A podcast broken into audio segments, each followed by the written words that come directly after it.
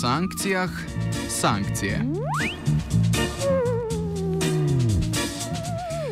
Ameriški predsednik Donald Trump je pred dvema dnevoma podpisal zakonodajo, s katero so sankcije proti Rusiji uveljavljene z izvršnim ukazom bivšega predsednika Baracka Obame leta 2014 dobile formo zakona.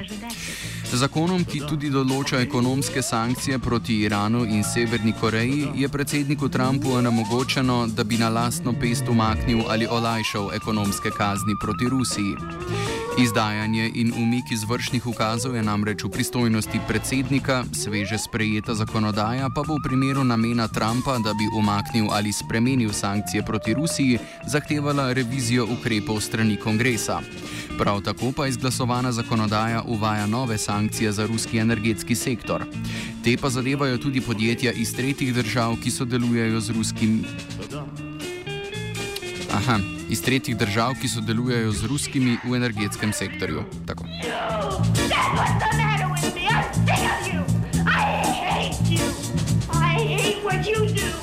about you! Na novo zakonodajo so se zato odzvale tudi evropske institucije in države. Ta bi namreč potencialno prizadela osem že obstoječih ali načrtovanih plinovodov znotraj Evropske unije oziroma na njeni meji. Več o novih sankcijah pove George Vološin iz svetovalnega podjetja Aperio Intelligence. So, in fact, yes, the, the new uh, Russia sanctions adopted by the US government uh, place restrictions on the participation of uh, any foreign persons, meaning any, in fact, any, any foreign company, including companies from the EU, in the construction, funding, or any other operations with export pipelines of the Russian Federation. So, as you, as you mentioned, of course, all of those eight pipelines will be affected directly in the, in the, to the same degree. Uh, and of course, the, the, the, the biggest ones, the most important ones, like Nord Stream 2, uh, will have uh, will can suffer the most damage from, from those sanctions. Uh, so if there if there are no measures uh, taken um, by the U.S. to exempt uh, EU companies from those restrictions. Uh, that means practically that if those companies continue to own stakes, continue to invest money, build or fund in any other way those pipelines, they can be sanctioned by the government of the U.S. Uh, just as any other companies sanctioned uh, under the Russia sanctions. So, which means they can be can be uh, fines imposed against them, or uh, they can be excluded from contracts uh, in the U.S. market. so, I mean, at the, at, the, at the present stage, since there is no agreement between the EU and the US on how all this will play out, um, these European companies will uh, if nothing changes, bear the brunt of the sanctions. And if they, they don't want to stay in this position, they would uh, ideally, uh, from the US perspective, need to exit all uh, pipeline projects with Russia. So that's the that's the impact. Uh, so no no business can be done. Uh, unless there are some exemptions which should be negotiated bilaterally. But as far as I know, nothing has been agreed upon at this stage. Go ahead and hate me, Anna. I hate what you do. Sam zakon je bil v pripravi že več mesecev, na glasovanju 25. julija pa so se poenotili kongresniki obeh strani. Rezultat glasovanja v predstavniškem domu je bil namreč 419 za in 3 proti. V senatu je bil rezultat podoben, od stotih senatorjev sta proti glasovala le dva. Predstavniki kongresa nove sankcije proti Rusiji utemeljujejo z dokazi o domnevnem ruskem umešavanju v rezultat ameriških volitev. Zakon pa je očitno naperjen tudi proti širitvi ruskega vpliva na področju energetike. Del zakona z naslovom Proti ruskemu vplivu v Euraziji je napisal demokratski kongresnik Benjamin Carson in neposredno omenjen načrtovan projekt plino. Mm, projekt plinovoda Severni tok 2. Uh, in fact, he was uh, the author of this um, part of the sanctions bill in the middle uh, of the of the text, uh, which uh, is called "Countering the Influence of Russia in Eurasia," and which explicitly mentions Nord Stream 2 and the um, all this pipeline uh, thinking of the U.S. government behind the sanctions. so basically, he promoted the the bill in the Senate. Um, but when the House took the bill and redrafted it to include also a section in North Korea, uh, so it also expanded the bill. it took um, the whole bill from Cardin and put it into its um, uh, wider sanctions bill. And so the Cardin's text goes together with the sanctions and explains in a very detailed way uh, why the US thinks that Russian influence is not good for, for Europe in the long term. It also mentions Ukraine, by the way, so there is also this very explicit connection with the Ukraine situation because it says that not only it's bad for the European customers, but also for Ukraine's energy independence. So I guess uh, for the US, uh, the goal is to promote its exports to both Ukraine and wider European Union. Uveljavljanje sankcij proti tujim podjetjem, ki sodelujejo pri gradnji, popravilu ali razvoju plinovodov v ruski lasti, v zakonu ostaja pravica predsednika. Sankcije proti evropskim podjetjem, kot sta OMV ali Shell, zakonom ne veljajo avtomatsko, temveč na pobudo predsednika in po posvetovanju s predstavniki evropskih držav. Več si Brende Jong z Centra za strateške študije v Hagu. in general terms, the cooperation between the United States and Europe when it comes to energy is, is pretty solid. Uh, there's no real problem there. Uh, of main concern, of course, in the context of these new sanctions are the provisions in the sanctions that pertain to Russian export pipelines. Uh, concretely speaking, of course, it's a reference to Nord Stream 2. Um, the thing is, however, with these sanctions is that this part of the sanctions bill is uh, falls under the discretionary competence of the U.S. president. So it's not entirely clear whether uh, Trump will actually enact this part of the sanctions bill. It's actually more likely that he will not. Um, he's already indicated that he's not very happy with the bill to begin with. So I don't think it's very likely that he will actually uh, activate this particular provision. Yeah, because he knows that it's going to be a contentious issue between Europe and the United States. And um, the Europeans, their initial reaction has been quite heavy a bit too much in my view also because given the fact that it's uh, the bill specifically says that these provisions are discretionary and also that if enacted uh, upon that will be done so in coordination with uh, with with the allies of the United States. So it doesn't mean that the US will go at this alone. Uh, instead it will cooperate with Europe on this particular matter. So I don't think it's very likely that uh, uh, it will thwart the pipeline project. No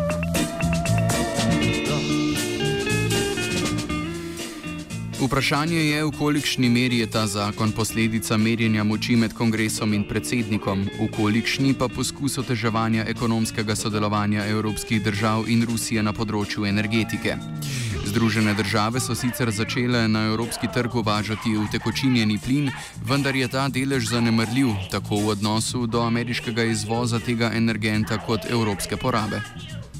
On the one hand, there is a genuine economic interest on the part of the United States to export more liquefied natural gas to Europe. But the, the point you you have to take into, consideration is is it's not the U.S. government that exports gas; it's U.S. companies. So whether the government wishes to see a greater share of, of LNG exports from, from the United States to Europe to begin with very much depends on whether companies have an economic interest in exporting it to Europe. Because at the end of the day, uh, prices will determine whether this is going to be economically feasible. So the one thing you have to um, sort of keep an eye on is the difference in price development between the Asian market and the European market.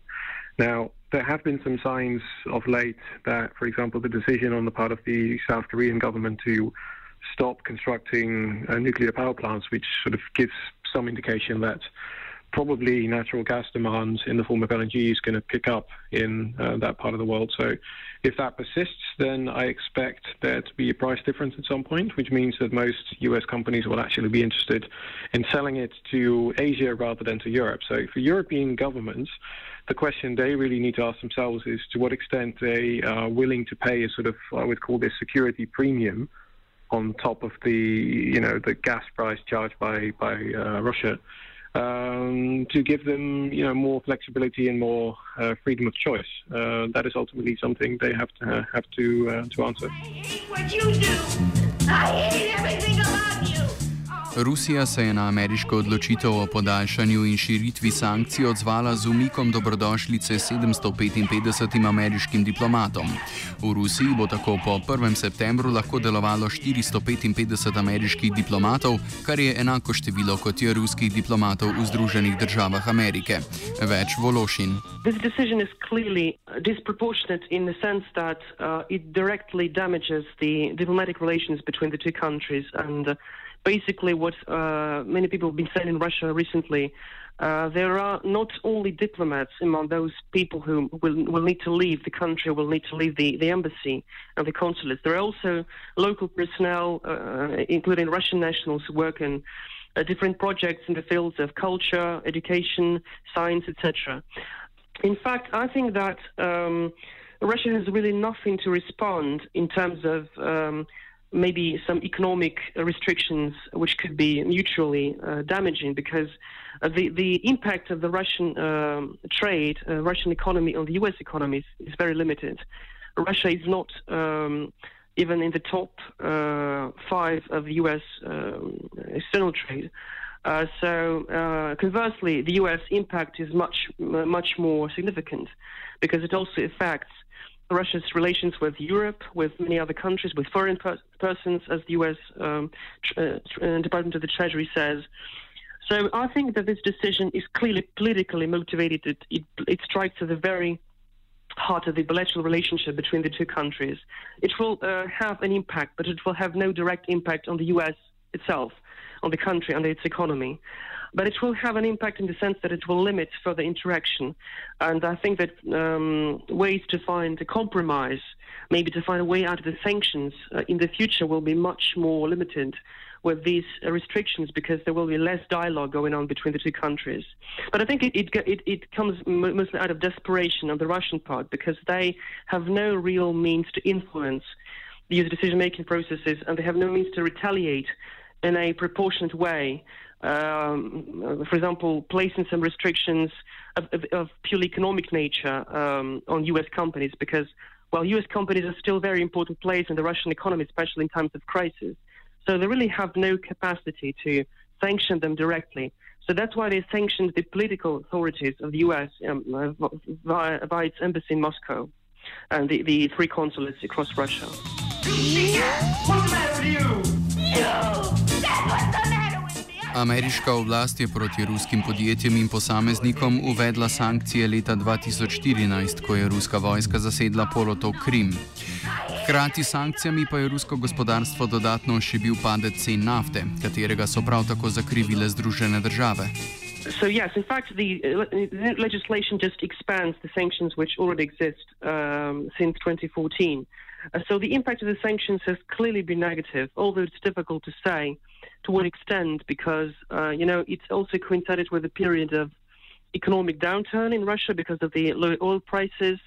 Uh, and so when you try to dissociate um, uh, the, these two elements, it's very difficult to quantify exactly what was the uh, impact of one and the other on the Russian economy. But anyway, um, given the restrictions against the financial services sector, against the energy sector, in particular, uh, I mean the, those uh, real, really sectoral sanctions um, there has been a clear, uh, I think, I think impact uh, on the way that these companies operate because they have been excluded from capital markets mostly. Uh, they have no access to long-term funding. They cannot engage in many projects, um, and even when there is no direct threat, many Western companies prefer not to co- cooperate in some um, what, they, what they see as risky projects because they think that at some stage they may um, break the sanctions maybe uh, even unwillingly and can, can, can be punished for that. Če so morda ameriške in evropske sankcije uspele prizadeti škodo ruskemu gospodarstvu, pa je njihov ideološki učinek vsaj do določene mere konsolidirajoč za rusko oblast. Ponudil je namreč podporni dokaz Putinovemu narativu o zunanji grožnji Rusiji pri uveljavljanju državnih interesov.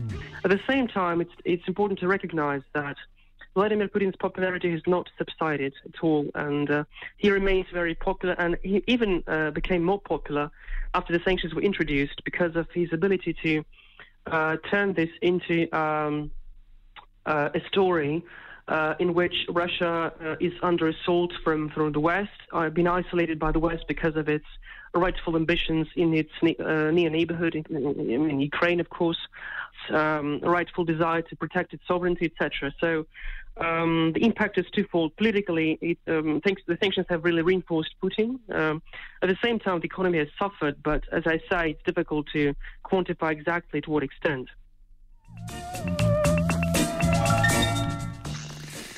Zakon, s katerim so sankcije proti Rusiji za predsednika postale obveza in ne možnost, premika pristojnost ameriške zunanje politike z mesta predsednika na kongres.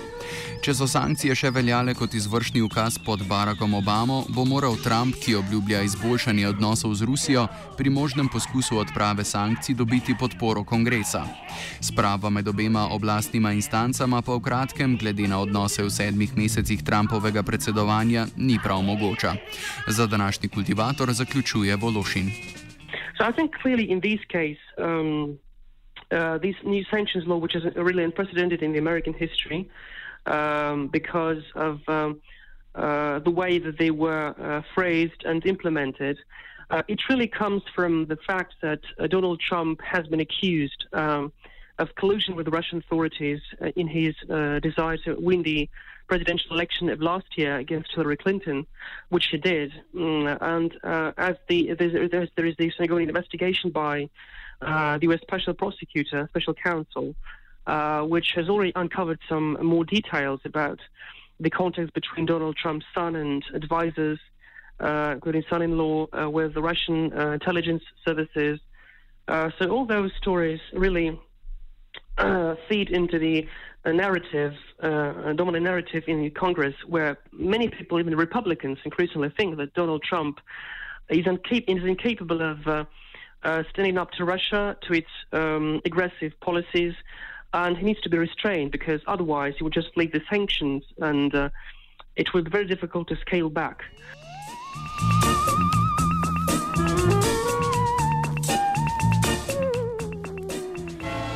Kultiviral je Jošt.